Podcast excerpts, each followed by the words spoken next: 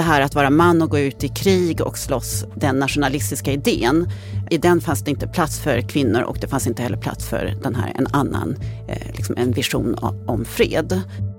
Vad är egentligen fred? Och hur har synen på detta tillstånd förändrats under historien? I och med att de har olika uppfattningar om fred, så för att de ska kunna leva i fred så måste man liksom skapa en fred där olika uppfattningar om fred ska kunna vara möjliga att hålla samtidigt. Så vem bestämmer egentligen när fred råder och hur får vi den att bestå? Det ska vi prata om nu.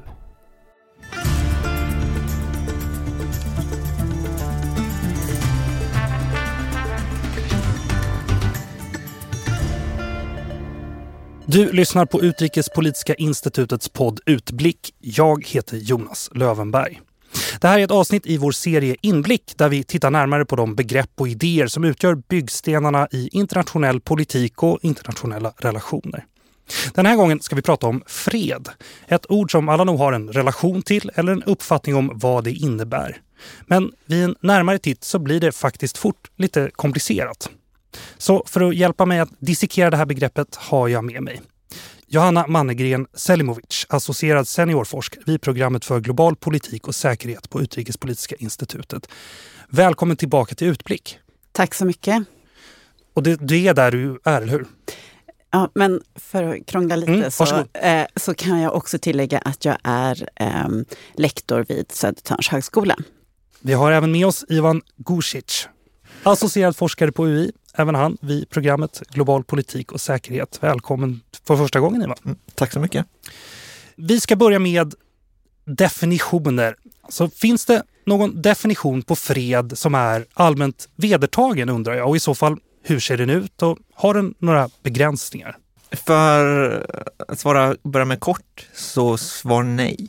Det finns ingen vedertag, allmän vedertagen definition. När jag brukar undervisa om just fred så brukar jag börja ofta att säga att fred är en, ett allmängiltigt begrepp utan allmängiltighet i termer av att eh, ofta när vi säger fred så tror, tror vi alla oss prata om samma sak. Men när vi börjar gräva djupare lite på det, eller i det, så blir det ofta att vi människor, grupper, individer har väldigt olika uppfattning om vad fred är och eh, vad eh, fred innebär och hur man når fred och så. Så det är inte ett eh, vedertaget begrepp. I forskningen då, vad, finns det någon, ibland måste man väl ha en definition man förhåller sig till som man bestämmer särskilt för ett visst arbete eller sådär, eller?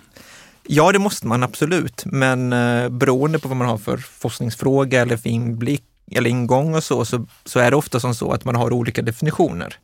En, en definition är ju till exempel, som vi pratat in, om innan, är eh, negativ fred, vilket innebär att eh, våldet så att säga har slutat att vi skjuter inte längre på varandra, men det är ungefär det. Det kan fortgå massa annan diskriminering, massa strukturellt och kulturellt våld och så vidare, men vi skjuter inte på varandra med olika former av vapen eller dylikt och det är liksom en negativ fred. Sen kan vi ha en positiv fred som är att eh, vi inte har förtryck, vi har ingen diskriminering mot människor, och människor är fria att göra vad de vill och så vidare. Det är liksom någon definition.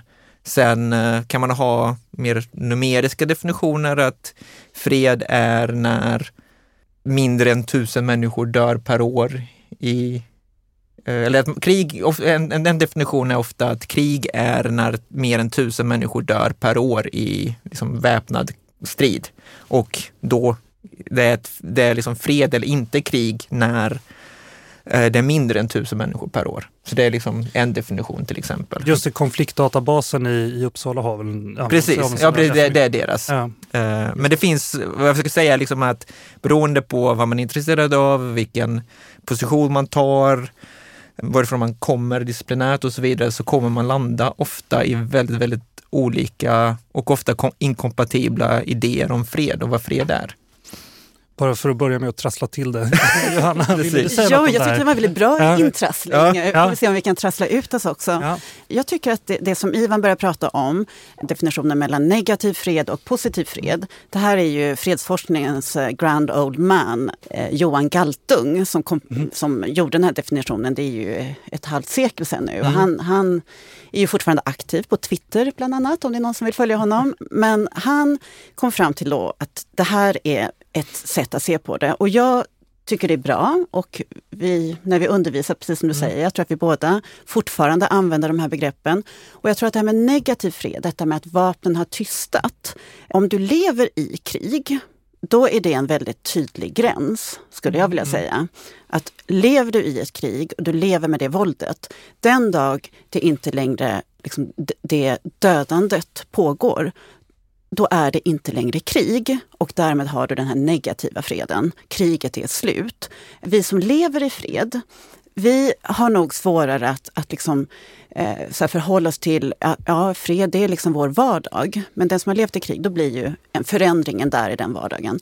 Men sen för att bygga upp någonting som inte bara är en negation eh, till krig, så krävs det ju en hel knippe med olika åtgärder, en hel knippe av olika indikatorer som vi kan se på hur, hur en, en sån positiv fred då ska, ska byggas upp. Och precis som Ivan var inne på så handlar det ju ofta om då förändring av strukturer, det kan handla om hur vi som individer agerar. Allt ifrån liksom på elitnivå med politiker som fattar stora beslut till hur vi själva, vem vi hälsar på eller inte hälsar på eller vilken väg till skolan vi tycker är trygg att gå på och så vidare. Så att, och det är ju bara ett bevis på då att det här med fred, ja, det, det kan vi krångla till hur mycket som helst.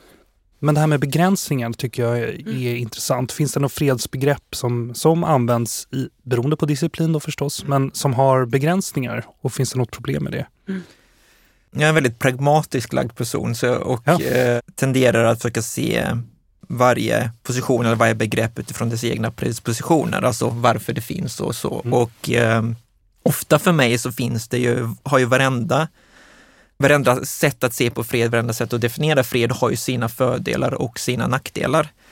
Till exempel så är liksom en ganska en begränsad syn på, på, på, på krig till exempel. Att krig är när människor skjuter på varandra.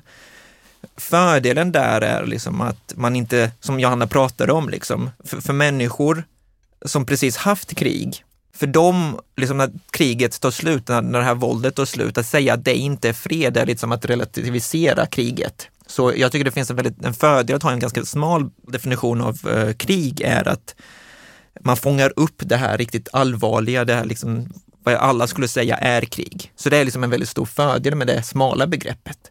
En nackdel är eh, med ett smalt begrepp är att allting då som inte innefattar att man skjuter på varandra, att bomber släpps, det blir automatiskt någon form av fred. Och då är det, det är väldigt farligt att tänka att bara vi slutar skjuta på varandra så är allting bra.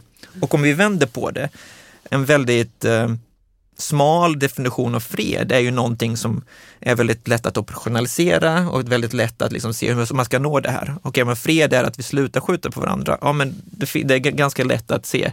Ja, men hur ska vi få till det här? Jo, men vi tar folk, ifrån folk vapnen, vi demilitariserar, vi ger soldater jobb och så vidare och sen är det liksom fred. Det negativa med det är ju liksom att begränsningen blir ganska liten. Eller liksom att eh, vår ambition blir ganska liten. Och om man, å andra hållet, om man har en väldigt bred definition av fred, där liksom men det finns en liksom feministisk idé om att eh, fred i patriarkatet är krig mot kvinnor.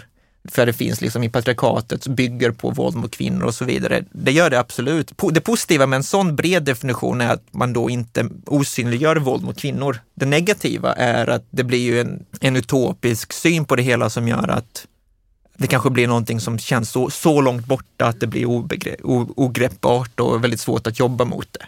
Jag tror att vi som fredsforskare vi har, eh, jobbar ofta med att vi tar konceptet fred och sen så försöker vi definiera det med hjälp av liksom, adjektiv då, som ska beskriva vilken typ av fred. Och det är ett bra sätt att göra det på för att då ser vi också olika aspekter. Till exempel tog du upp feministisk fred.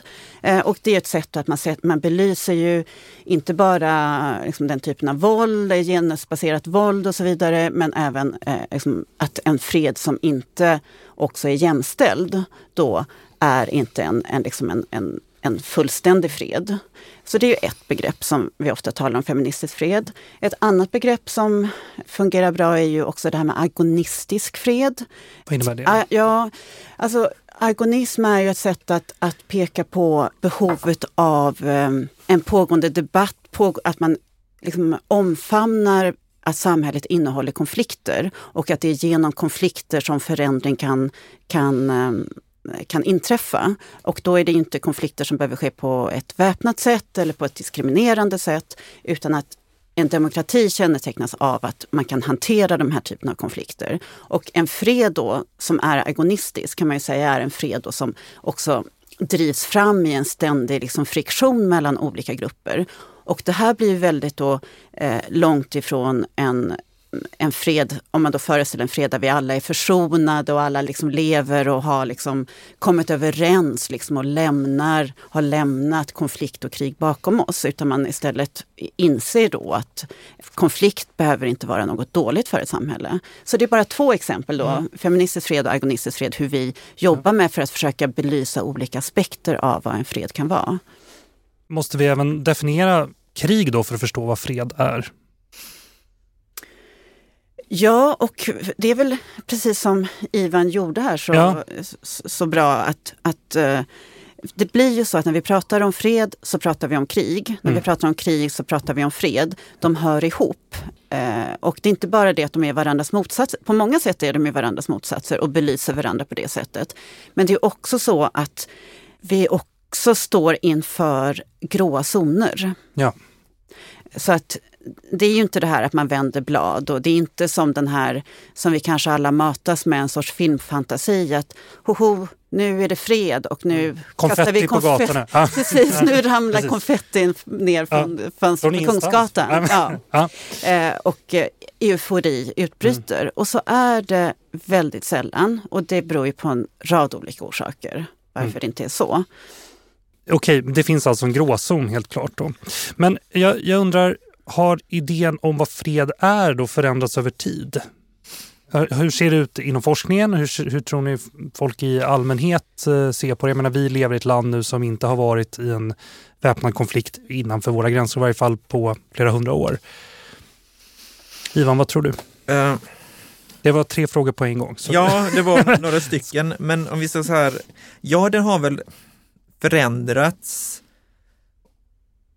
men då är frågan på, på vilket sätt? Om man, man tittar på i, inom forskningen eh, senaste eh, jag vet inte, 30-40 åren så hade man eh, i början av den här perioden, kanske 80-90-talet, hade man en, en ganska, vad jag skulle säga, inte begränsad, men väldigt universell och en väldigt objektiv syn på fred. Fred är liksom någonting, är någonting som vi pratar om i singularis, liksom. det, är någon, det är den här freden. Mm. Fred är det här och då har vi ofta liksom, vad inom forskningen brukar kallas den liberala freden. Att det är det som var den dominerade, liksom att vi har demokrati med fria val, vi har marknadsekonomi, vi har ett, en rättsstat enligt liksom den västerländska modellen och så. Det har varit fred.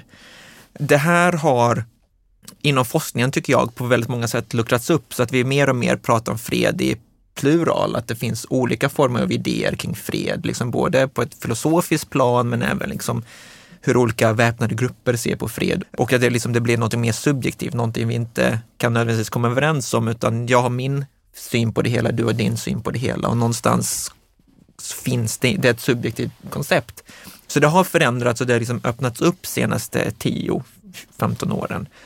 Men samtidigt, så det har då förändrats, men samtidigt så har det kanske inte förändrats så mycket, för väldigt mycket av det här, tycker jag, uppöppnandet av fred och tankar kring fred har ju gjorts genom att gå tillbaka till gamla filosofer, genom att gå tillbaka till religiösa skrifter och liksom från olika delar av världen när man liksom går igenom hur folk har sett på fred liksom under historien. Och då har där visat, och det har liksom varit ett sätt att visa att fred är på väldigt uppfattas på väldigt olika sätt. Och då, så fast å ena sidan har på senare år vi öppnat upp mycket mer, men å andra sidan har vi gjort det med, med liksom idéer som funnits väl, med väldigt, väldigt länge. Men Eva, jag vet ju att du har ju gått tillbaka och läst mycket så här, historiskt och Ja. filosofiskt. Och man brukar ofta tala om så här, liksom, antika Grekland, vi pratar om, om Aten och Sparta Ja. och krigföring och vi, återigen de här bilderna. Mm. Men vad vet man om hur, eh, hur de gamla grekerna formulerade sig kring fred? Ja, nu kan jag inte läsa mycket gamla greker. Eh, men jag läser faktiskt just nu en bok där de går igenom väldigt mycket och där eh, fred skulle jag nog vilja påstå, liksom Aristoteles och Platon och hela de här är att de såg ju fred på ett väldigt, vad skulle jag säga, ett realistiskt plan. Alltså realist i den ER-skolan, realismen, som inte behöver vara realistisk i Nej, dess nej. gemene Ja, men det handlar om en maktbalans och så. Ja precis, det Ja. handlar om, om en maktbalans, det handlar om att ja, men fred är liksom när vi inte krigar och krig är när vi liksom då på den tiden skjuter pilbågar på varandra och Ja. slåss. Eller krig var liksom någonting, man blev man genom att vara krig, krigisk och, och krig såg som någonting fint och man offrade sig för sin stat eller liksom stadsstat. Mm. Så det så, sågs väldigt mycket mer glorifierande. Krig var kanske den mer eh, sågs mycket finare än vi kanske ser på det idag, My, mycket mer glorifierat. Och det är ju liksom också, jag tror, mm, liksom, Hobbes, både Hobbes och Machiavelli och Rousseau, de, de tog ju liksom Sparta som någonting, som en förebild för hur man skulle liksom organisera ett samhälle, att det var liksom organiserat, disciplinerat och, och sådant. Ja, så, så de, såg, de såg på krig på ett väldigt annat sätt, eller liksom den realistiska skolan. Men krig då, men, men fred då? Ja, men Är det motsatsen då helt enkelt? Det, Ja, det som, eller- Det som blir kvar när det inte är krig? Ja, precis. Det är liksom när man inte krigar och då, ja, med att krig var så himla fint och ärofullt och så, så var väl kanske inte fred någonting så mycket att eftersträva Nej, inte på det sättet vi på det sätt- sättet gör idag. vi pratar om idag. Nej. Och det har väl förändrats liksom. Ja. Fast samtidigt, du har ju realismen som, som fortfarande liksom när den här idén, kanske inte att krig är ärofyllt, men att krig är liksom, krig är det dominerande sättet att vara och eh, fred är liksom pauserna mellan krig. Men jag, om jag får Ja, hoppa ja. ett par tusen år då framåt i Ja, men men ändå vara lite historiskt, så tänker jag på det här med feministisk fred Mm. som vi pratar om så, så mycket, eller vissa av oss, väldigt mycket. Ja. Om vi går tillbaka till hur liksom när den stora utmaningen mot den här bilden av eh, den stolta krigaren, eh, den stora patrioten och så vidare, så var det ju faktiskt suffragettrörelsen till stor del i början av 1900-talet som då i, i protest mot första världskriget formulerade sig kring fred och också skapade liksom en sorts eh, internationellt kvinnosamarbete för fred och mot eh, krig. Och då protesterade man ju just mot detta att, eh, att för att vara patriot så skulle man kriga och snarare formulerade en annan identitet kring att vara fred. Och bland annat Virginia Woolf, som jag är glad att få citera, Ja. Eh, Hon eh, sa ju bland annat att eh, är man kvinna så har man inget land. Och den kritiken var ju att säga då att det här att vara man och gå ut i krig och slåss, den nationalistiska idén, i den fanns det inte plats för kvinnor och det fanns inte heller plats för den här, en annan eh, liksom en vision om fred. Så att där kan man ju börja liksom dra i trådar om för att förstå nationalism. Men har det hänt mycket med synen på fred just, Ivan du sa det de senaste 30 åren. Har det hänt mycket på kort tid? Jo, men jag tror, eh, jag vet inte om Johanna håller med, men jag tror det senaste, men från 2000, 2005 kanske, så har det liksom blivit en explosion av mer kritiska röster som liksom nyanserat eh, både vad fred är och hur man når det. Å ena sidan så finns det väl liksom en rörelse som anser att eh, en mer begränsad syn på fred osynliggör eh, liksom våld mot kvinnor, våld mot minoriteter eh, av, av, de, av, av dess många olika slag.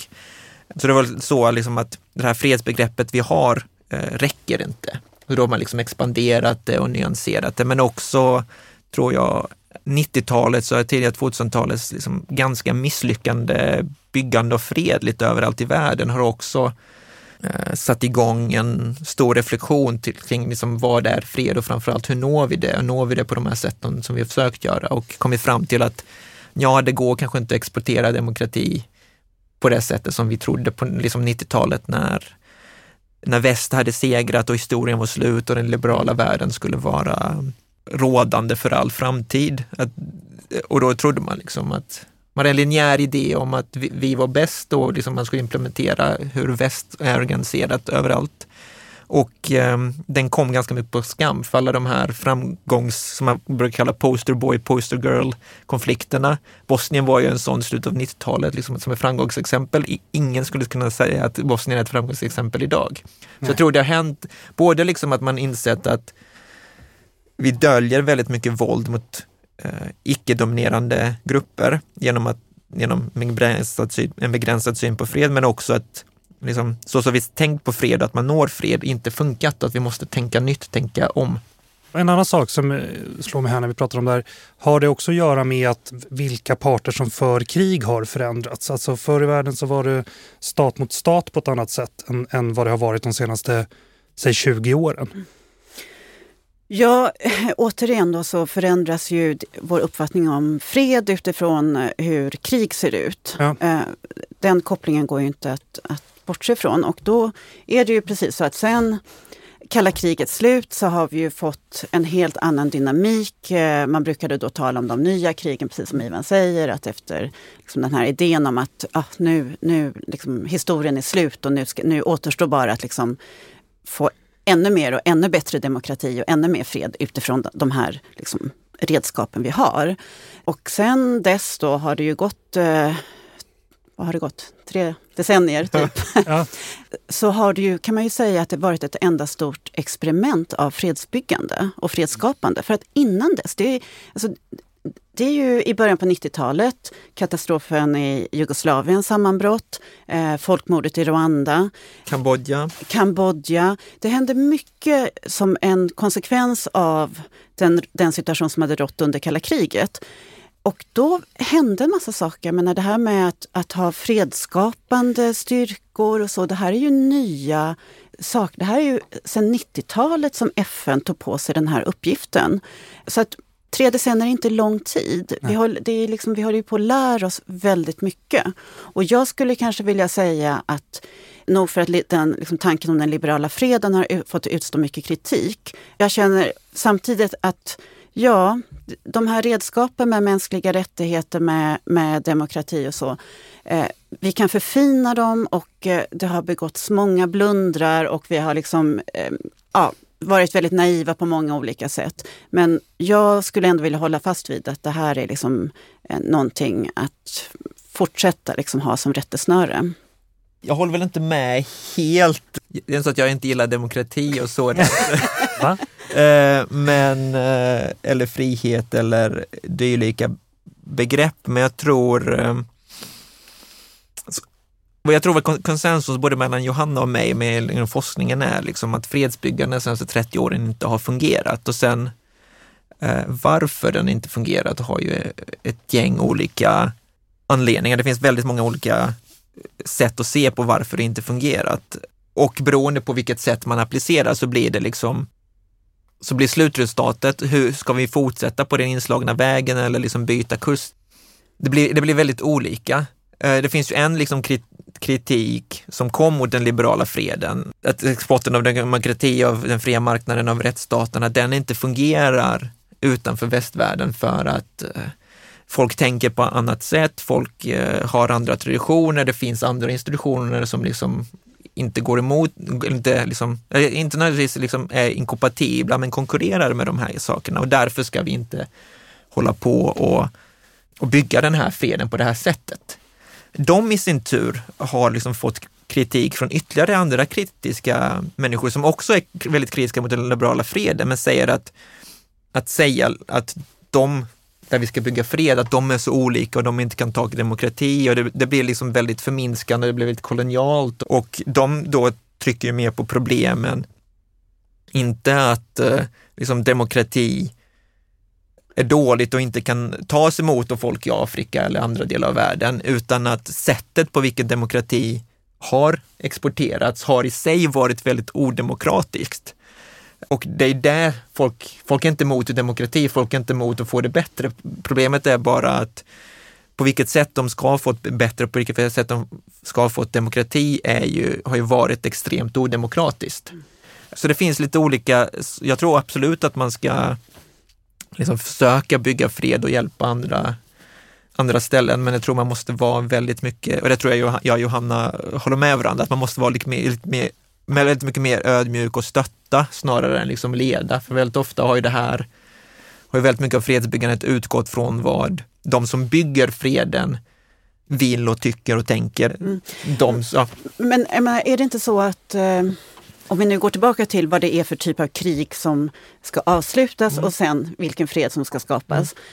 Så sen då kalla kriget slut så har vi ju sett de här krigen som är mycket mer komplicerade, det är många mm. fler aktörer. Det är konflikter som kan handla om allt från liksom kontroll över eh, tillgångar mm. till eh, eh, konflikter som i alla fall byggs upp kring att skapa makt kring etnisk tillhörighet eller religion och så mm. vidare.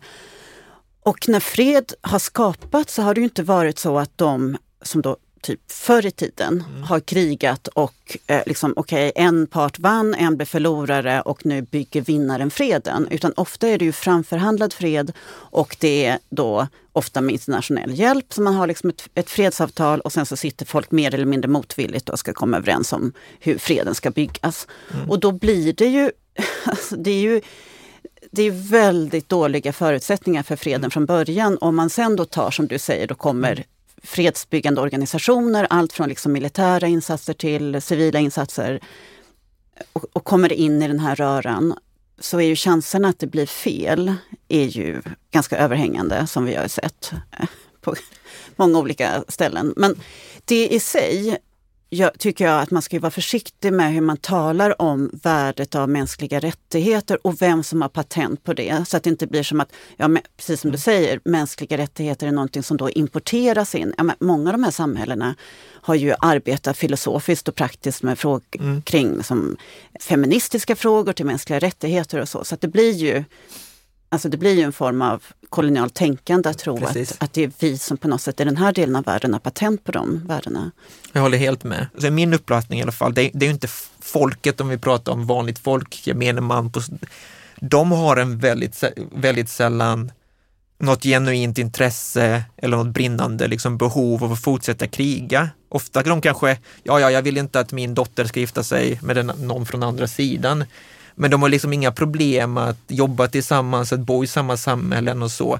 Så jag tror det är väldigt också problematiskt att säga, ja men det där är ett, liksom, det där är en plats där folk bara inte vill leva i fred. Alltså, det, den stora majoriteten av människor vill ju leva i fred. Problemet är bara ofta att efter att det krig tar slut så är det ofta de som krigade som fortfarande har makten. Det blir som generaler som blir politiker och de har ju ett intresse av att för de har inte förmågan eller intresset att liksom regera på annat sätt än genom delning och då blir det att de upprätthåller strukturer i vilken eh, en samlevnad som jag tror väldigt många människor är beredda till, att den blir omöjlig.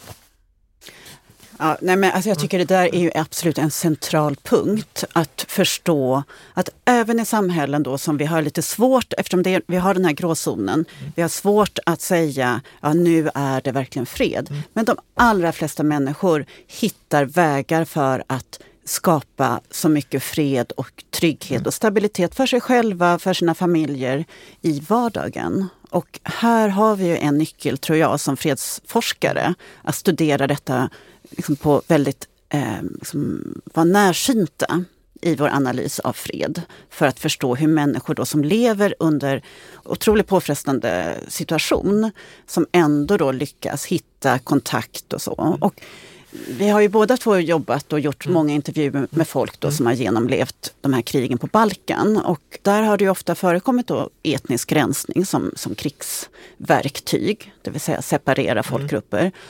Och när då folk ska återigen leva tillsammans, då kan man ju se att de använder de här verktygen för fred på ett väldigt, ofta väldigt konstruktivt sätt.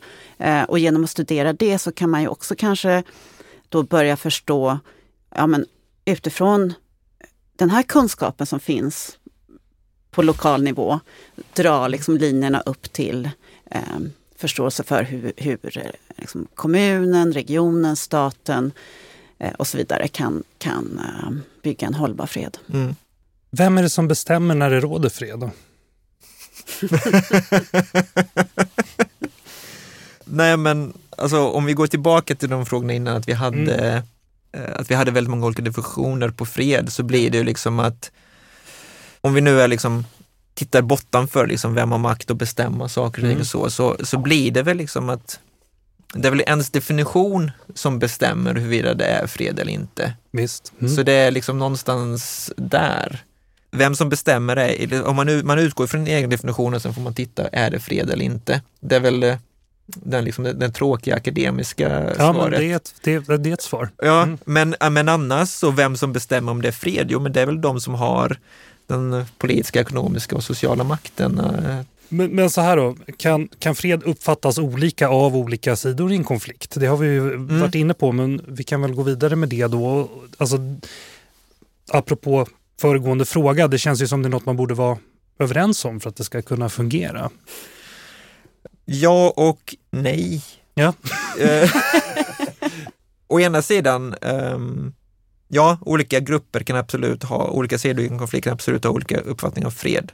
Eh, om man utgår från min egen empiri så studerar jag städer. Det finns en delad stad, eller en liksom efterkrigsstad i norra Kosovo, där den norra delen kontrolleras av, av en serbisk majoritet och den södra av en albansk majoritet. Och där är jag har frågat folk liksom uttryckligen, liksom, vad är fred, vad är fred för dig och sådana här saker. Och, och liksom den majoritetsuppfattningen bland serber är att vi kan bara ha en fred om vi får styra oss själva. Och det innebär liksom en styre där liksom vi fortsätter vara en del av Serbien. Och där Kosovo är en del av Serbien och så. För, för dem är det fred, liksom att eh, för, för en, ett liv under albaner är för dem liksom allting från liksom konstant diskrimination till liksom eh, tyst eh, etnisk rensning till liksom soft apartheid, liksom, och det är alla sådana här saker.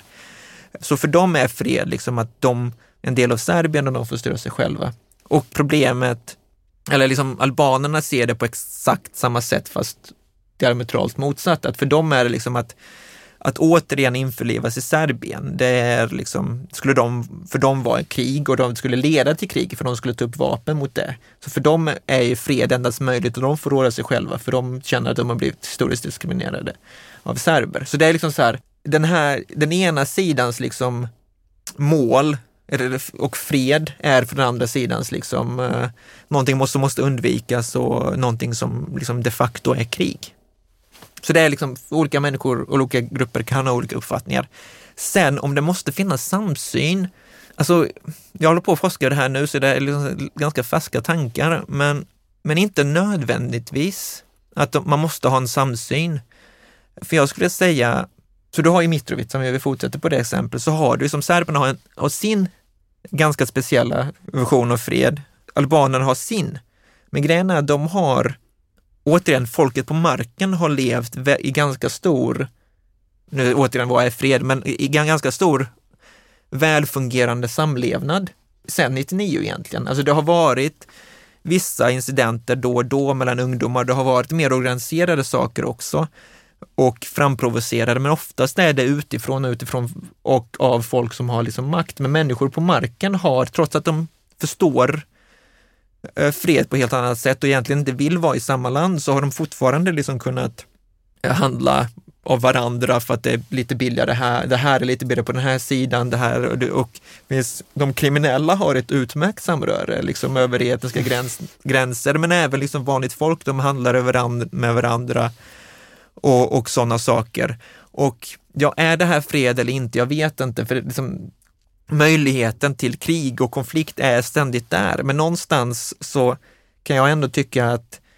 om du har två grupper som krigat mot varandra så är det lite väl mycket begärt att de ska liksom direkt efter att bomberna slutar och skotten slutar, att de bara ska liksom omfamna varandra, gå i samma skolor och så vidare.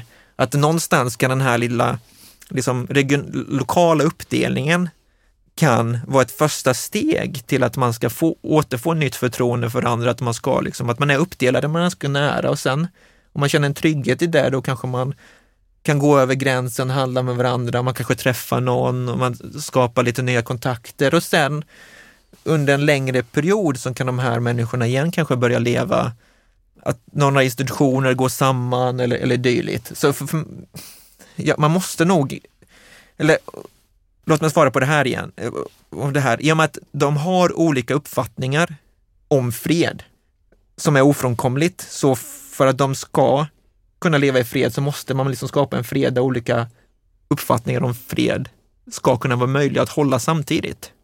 För annars liksom, trycker du, trycker du liksom bara på en version av fred så kommer den andra gruppen alltid göra motstånd. Eh, så jag, jag, tror liksom en mer pragmatisk lösning ibland är nödvändig. Men jag vet inte om du... Nej, men jag, har, jag, jag tycker det är ett, ett eh, strålande exempel på kanske just det som det här eh, konceptet agonistisk mm. fred delvis. Eh, hur man hanterar de här spänningarna och olikheterna mm. och ändå på något sätt eh, kan arbeta på att mm. fördjupa tillit och, och, mm. och så. Eh, men för att svara på den här frågan om, om eh, vem bestämmer vad fred är så skulle jag vilja kort och gott säga att den med makt bestämmer vad som fred är. Ja. Den som har makt kan bestämma vad fred är för någonting. Eh, och då gäller det ju att eh, fundera på hur fördelas makt? Var sker den fördelningen? Och då är ju fredsförhandlingen är ju ett sånt eh, tillfälle. Och då måste man fundera på vem är det som får vara med och förhandla freden? Eh, och då är det ju ofta eh, krigsherrarna som ska bestämma. De som, som gillar krig ska bestämma vad fred är. Eh, och här har man ju då försökt få till en förändring eh, med att öppna upp fredsförhandlingarna så att det ska komma fler röster även från civilsamhället till exempel. Den typen av representanter ska komma in. Och återigen då att eh, kvinnor ska eh, kunna delta i fredsförhandlingar. För det har vi ju sett historiskt att det har varit en väldigt mansdominerad business det här med fredsförhandlingar. Eh, och det är också väldigt ny spännande forskning som visar på eh, stora kvantitativa analyser av fredsförhandlingar eh, utifrån ett eh, genusperspektiv. Eh, och då kan man se att eh, i takt med att eh, eh kvinnors närvaro ökar Eh, i fredsförhandlingar så ökar också hur länge freden håller. Eh, och det är en intressant koppling och det kan man fråga sig, ja, vad beror det på? Eh, det är en förklaring, om man är lagd åt det hållet, höll på att säga, är att kvinnor är mer fredliga och det kan också vara så att kvinnors makt i de här, många av de här samhällena har snarare varit i civilsamhället. Så att när man släppt in civilsamhället har man också fått ja, på många sätt en mångfald i den här situationen där makt ska förhandlas och fördelas. Men för tydlighetens skull, det blir, det blir, det blir längre fred när kvinnorna får med? Ja, ja. för att det är ju också, ja precis. För du sa inte ju... om det blev kortare eller längre? Aha, nej, det blir, men jag förstår, det vi blir förstår. längre. Ja. Ja. Yes. Um, vad spelar minnet av en konflikt för roll i fredstid? Då? Ja, alltså minnet av en konflikt är ju förstås i fredstid ett sår.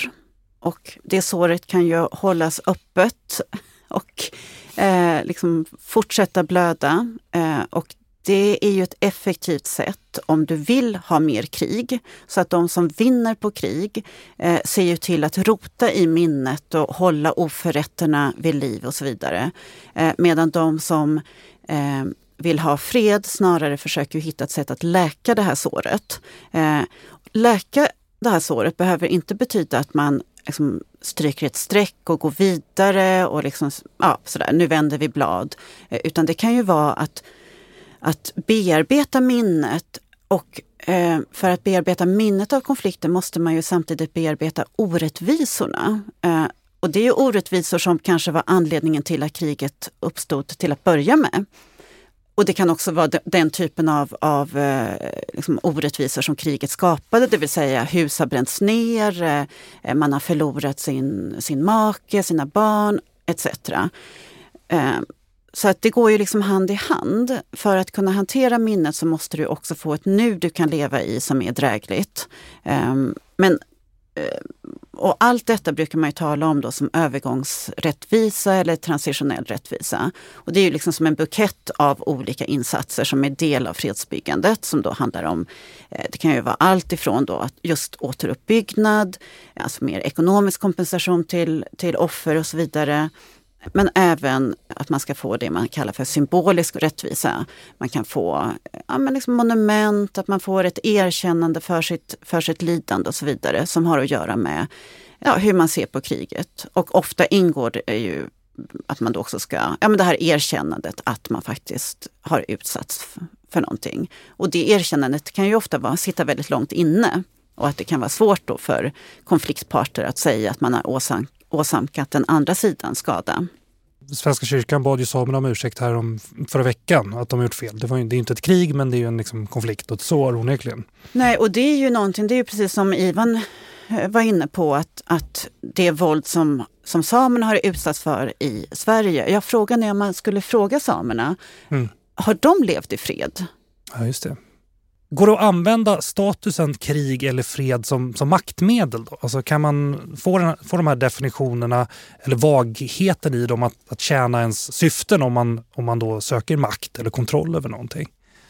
Låt mig bara eh, ta den passen från Johanna om samerna. För det är liksom, precis, skulle man fråga samerna om de har tyckt att 1900-talet eller liksom 1800-talet var då där vi räknade att Sverige var fred från vad är det, 1809. Eh, skulle man fråga dem så är jag ganska, ja, jag har inte forskat just eh, på liksom eh, norra Sverige, men jag, skulle, jag är ganska övertygad att de inte skulle tycka att det var liksom guld och gröna skogar hela den här perioden, att de skulle tycka det är väldigt jobbigt. Men genom, genom att säga och hävda att de i Sverige liksom har fred i 200 år och liksom det är en fredlig nation liksom, som även om Nobelpriset i fred är från Norge, så tror jag liksom väldigt många förknippar det ändå med Sverige och, och så, så. Så tror jag liksom att det är liksom en diskursiv stängning till att liksom prata om alla de här brotten som samerna har utsatts för. För liksom, vi har ju haft fred och i fred så har man ju inga krigsbrott. Så därför liksom, så, så det blir någonstans, det blir väldigt svårt att prata om liksom, de väldigt, den allvarliga diskrimineringen som samerna har utsatts för som någonting som krigsföring av något slag för att vi just haft fred. Så det är liksom ett väldigt maktmedel att, eh, att tysta ner och liksom osynliggöra väldigt mycket lidande som sker inom den här entiteten, må det vara en stad, region, stat som har fred. Det är liksom e-, e-, ett, ett sätt att tänka på att det är ett maktmedel.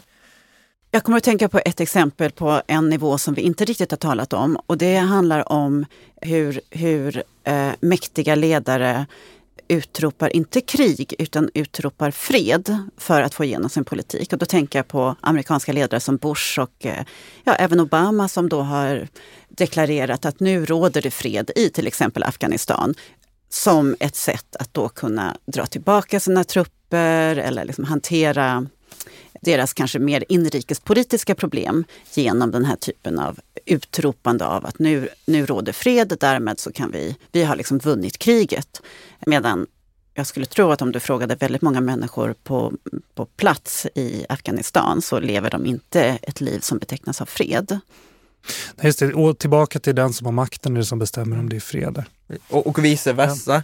Eh, anledningen till att man kunde gå in i de här länderna liksom från, ett, från en hemmaopinion mm. perspektiv var ju att man utropade ett krig mot terrorn och det var ju också ett sätt att säga men vi är i krig. Krig kan man bara föra om man är i krig mot någon. Det är liksom så här. Mm. Och, och liksom att prata väldigt mycket om kriget och terrorn gjorde ju att det gav de här ledarna liksom legitimitet och makt att uh, gå in i både Afghanistan och Irak och liksom i andra delar av världen. Så liksom att deklarera det ena eller andra är liksom sätt att mobilisera eller sätt att stänga ner beroende på liksom men jag tror absolut, på en rak svar på frågan, ja, det kan absolut användas som ett maktmedel. Så här då, det har vi pratat lite om, jag ska ställa frågan ändå. Ehm, att man slutar skjuta på varandra är ju en sak, men vad krävs det för komponenter för att skapa långvarig beständig fred? Vi pratade lite om det innan, jag och Johanna innan här och eh, jag pratade som statsvetare så, så är det lite mitt ansvar att dra liksom institutioner till, eh, till bordet. Vi pratar liksom om vanligt folk och Johanna har, både jag och Johanna har tagit upp liksom, eh, exempel där folk på en liksom lokal nivå i en begränsad eh, spatial och temporal skala har lyckats bygga fred. Problemet är att det är väldigt svårt för de här eh, initiativen eller de här positiva exemplen att sippra upp och påverka, det, eh, och påverka resten av samhället liksom på ett storskaligt plan om de politiska och institutionerna inte tillåter det. Ehm, om de kontrolleras av liksom etniska och väldigt hatiska ledare som som inte som inte ger, dem, ger människor möjlighet, som hotar fredsinitiativ, som bara omöjliggör liksom människor att leva så som de vill. Till exempel i en annan stad jag studerar i, i Mostar så är det liksom staten styr, eller vad heter det, politiken styr, styr just skolorna och där finns det bara antingen en kroatisk eller en bosniakisk skola där båda två har en väldigt eh, eh, liksom väldigt nationalistisk. Mostar är det Kroatien? Nej, Mostar är i Bosnien-Hercegovina. Ja. Ja. Eh, förlåt. Så du har bara två etnonationalistiska skolformer. Vilket innebär att folk, vanligt folk som kanske är i ett blandäktenskap eller bara vill att deras barn ska växa upp med massa olika barn. De har liksom ingen legal möjlighet att sätta sitt barn i en blandad skola om man vill säga det så, för det finns inga sådana. Så jag tror det är väldigt bra med väldigt många bra initiativ och man ska inte trycka ner grejer liksom uppifrån och trycka på människor. Men jag tror en viktig, viktig del är liksom att på den politiska nivån, på den institutionella nivån, att det ska finnas en möjlighet för eh, lokala fredsinitiativ att slå rot och att de inte blir motarbetade. Det är den ena grejen. Den andra grejen tror jag är, som jag har observerat väldigt mycket, är det socioekonomiska. Alltså i grund och botten vanligt folk efter ett krig, de bryr sig inte så mycket liksom, om, om själva kriget, utan de har och de har ingen önskan om att gå i krig, de vill bara leva i fred. Och det här leva i fred innebär att de ska ha möjlighet att försörja sina familjer, att deras barn ska kunna gå i skolan, att liksom deras tak inte läcker in, att de kanske ska gå, åka på en semester någon gång då och då. Men i en efterkrigssituation så tenderar ju liksom ekonomin att kontrolleras av krigsherrar och liksom starka makter och sådant, vilket gör att medan jobben är få, vilket gör att de som har möjlighet att ge människor jobb har samtidigt väldigt mycket kontroll över de här människorna. Röstar du inte på mig så får du inte behålla jobbet. Liksom, gör du inte det här får du inte behålla jobbet. Och i avvägningen mellan att försörja sin familj och liksom att stå upp för någon principiell liksom, sak så, ta, så jag, tar ju alla liksom det att de ska försörja sin familj. Det är ju inte så svår eh, avvägning tycker jag. Och då blir liksom kontrollen över vanligt folk väldigt stor från politiska ledare om de kontrollerar liksom ekonomin och det gör de väldigt ofta i väldigt stor utsträckning. Så för mig är det liksom en annan grej är att man ska ha en ekonomi som möjliggör att människor försörjer sig utan att behöva, eh, utan att vara på nåder hos liksom ett nationalistiska krigsherrar som blivit politiker. Jan, har du någon mer ingrediens till freden? Säkerhet. Mm. Man glömmer ofta det och det här handlar ju om att den där linjen mellan krig och fred är inte så tydlig. Mycket våld fortsätter långt in i fredstiden på många olika sätt, olika typer av våld. Och att eh, få människor att känna sig säkra eh, kan göras, eh, det är klart det kan göras med mer våld, det vill säga med militär och polis och så. Men det kanske viktigaste är också att eh, för de här människorna känna att det finns ett rättsväsende som fungerar. Att de som har begått brott under kriget, att de faktiskt eh, som sätts bakom lås och bom. Att, att det finns den tron på eh, att förövare får betala för, ja, för sina brott. Men jag skulle vilja lägga till en ingrediens till då som är kanske lite, av ett litet annat slag och det är tålamod. Mm. Tålamod har vi alldeles för lite av eh, när vi analyserar de här processerna. Eh, vi glömmer bort att det tar otroligt lång tid. Vi glömmer bort att de är så otroligt bräckliga. Och vi ställer såna enorma krav på de här samhällena och på de här människorna. Jag menar, det som Ivan berättar ger de här glimtarna av liksom, vilka enorma dagliga utmaningar som människa och som samhälle. Och eh, vi har den här tendensen att vi ska hela tiden utvärdera. Nej, nu har det misslyckats, nu har det blivit så. De har inte lyckats med fred. Ja, men ha tålamod. Det tar generationer. Jag har kanske en grej som bara vill... Som vill ut? Ja, för jag, jag, jag, jag tycker det är... Um... Alltså vi har varit väldigt kritiska och det, vi har pratat väldigt mycket makt och liksom den här definitionen och så. Och det tycker jag är jättebra, men det finns också en annan aspekt på det hela, liksom är att någonstans måste man dra gränsen och jag kan kanske bara presentera min lösning, hur jag har gjort på det. Och vad menar du för gräns? Eh, mellan krig och fred. Ja. För, för, är den frågan. Mm. Så jag, jag, på, på, så den boken jag tänker rekommendera är den bok, en bok jag håller på och läser. Eh, Ja, så jag, men- bara, jag bara rekommenderat, så jag har bara läst halva, så jag, jag vet inte hur den andra halvan...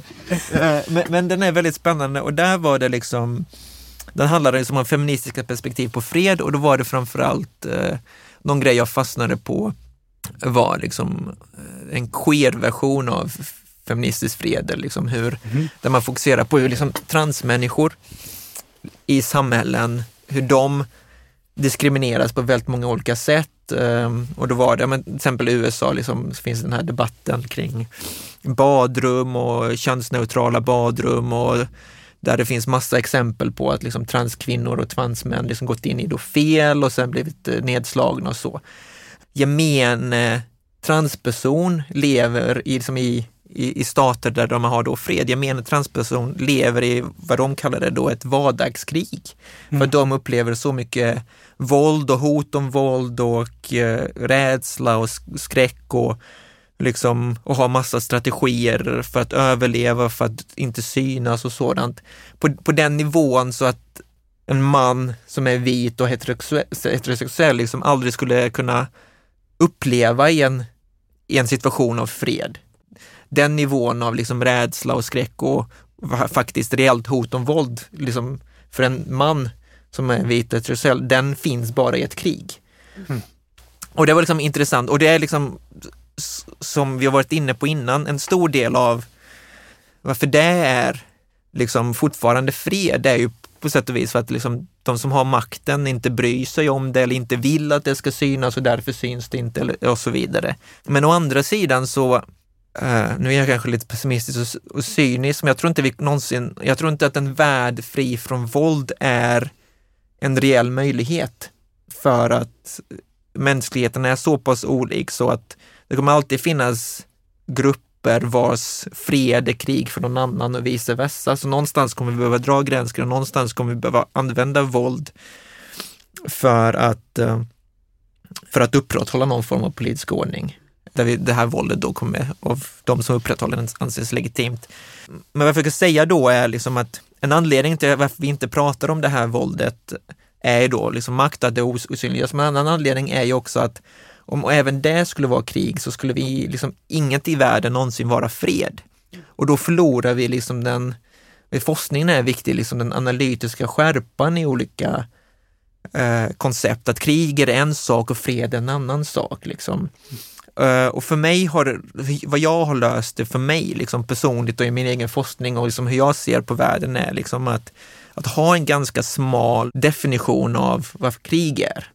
Ingen skulle misstolka, eller ingen skulle säga det här, det här är inte krig, liksom, utan det är liksom en, och sen, men sen samtidigt, för att då synliggöra eh, allt våld som sker utanför krig, som även liksom i stater som absolut inte har krig som Sverige eller USA eller dylikt. Så att synliggöra våldet där så har jag, så har jag för min del liksom, liksom tagit ner fred från dess pedestal.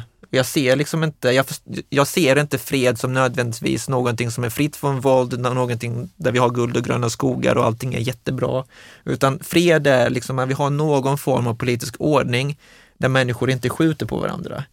Men sen i den här freden så finns det, och någonstans måste finnas, väldigt många olika former av våld. Och genom att inte se fred i de här utopiska sätt, sättet så, bli, så blir vi inte förblindade av att tänka, ja, men Sverige har fred, därför har, därför liksom har alla det bra.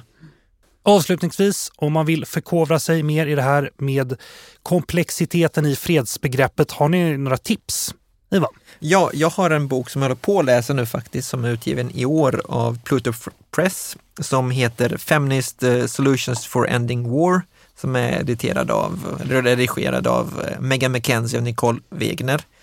Introduktionskapitlet har en ganska bra översyn på väldigt mycket av det som jag och Johanna precis pratat om, liksom olika idéer kring fred och sen eh, presentera feministisk fred som en, eh, någon form av respons eller alternativ till de här. Men sen så är eh, de olika kapitlen författade av olika feminister från massa olika delar av världen som alla utgår från en, från en feministisk fred, men alla förstår den här feministiska freden på ganska olika sätt. Så man får både liksom en översyn av liksom en bredare fältet men också en insyn hur även ett litet smalare eller kanske mer, kan man kanske förvänta sig ett mer homogent koncept kring fred, feministisk fred, faktiskt är väldigt komplext och förstås på väldigt många olika sätt och innebär väldigt många olika eh, mål och medel som mellan sig är ganska motsägelsefulla.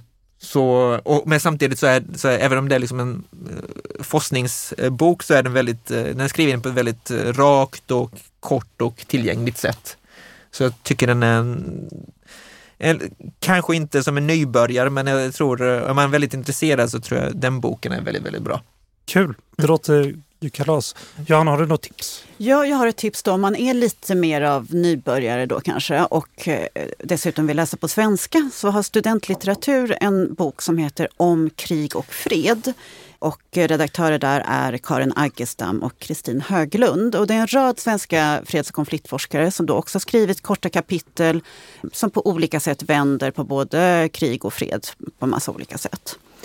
Sen skulle jag också kunna lägga till ett tips från UIs egen utgivning. Gör det. Och det är för några år sedan så, gav, så skrev jag en sån här eh, Världspolitikens dagsfrågor, ett av de här lite kortare häftena, på temat försoning, den svåra vägen till fred.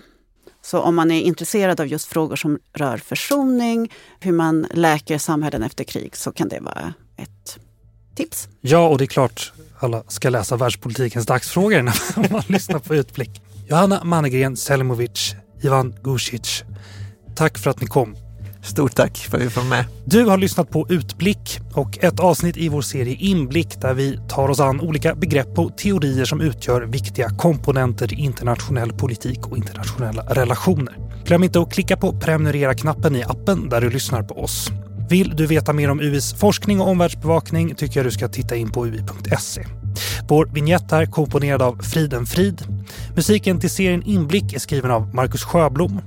Bakom spakarna i kontrollrummet sitter idag August Bolin. Jag heter Jonas Lövenberg. På återhörande.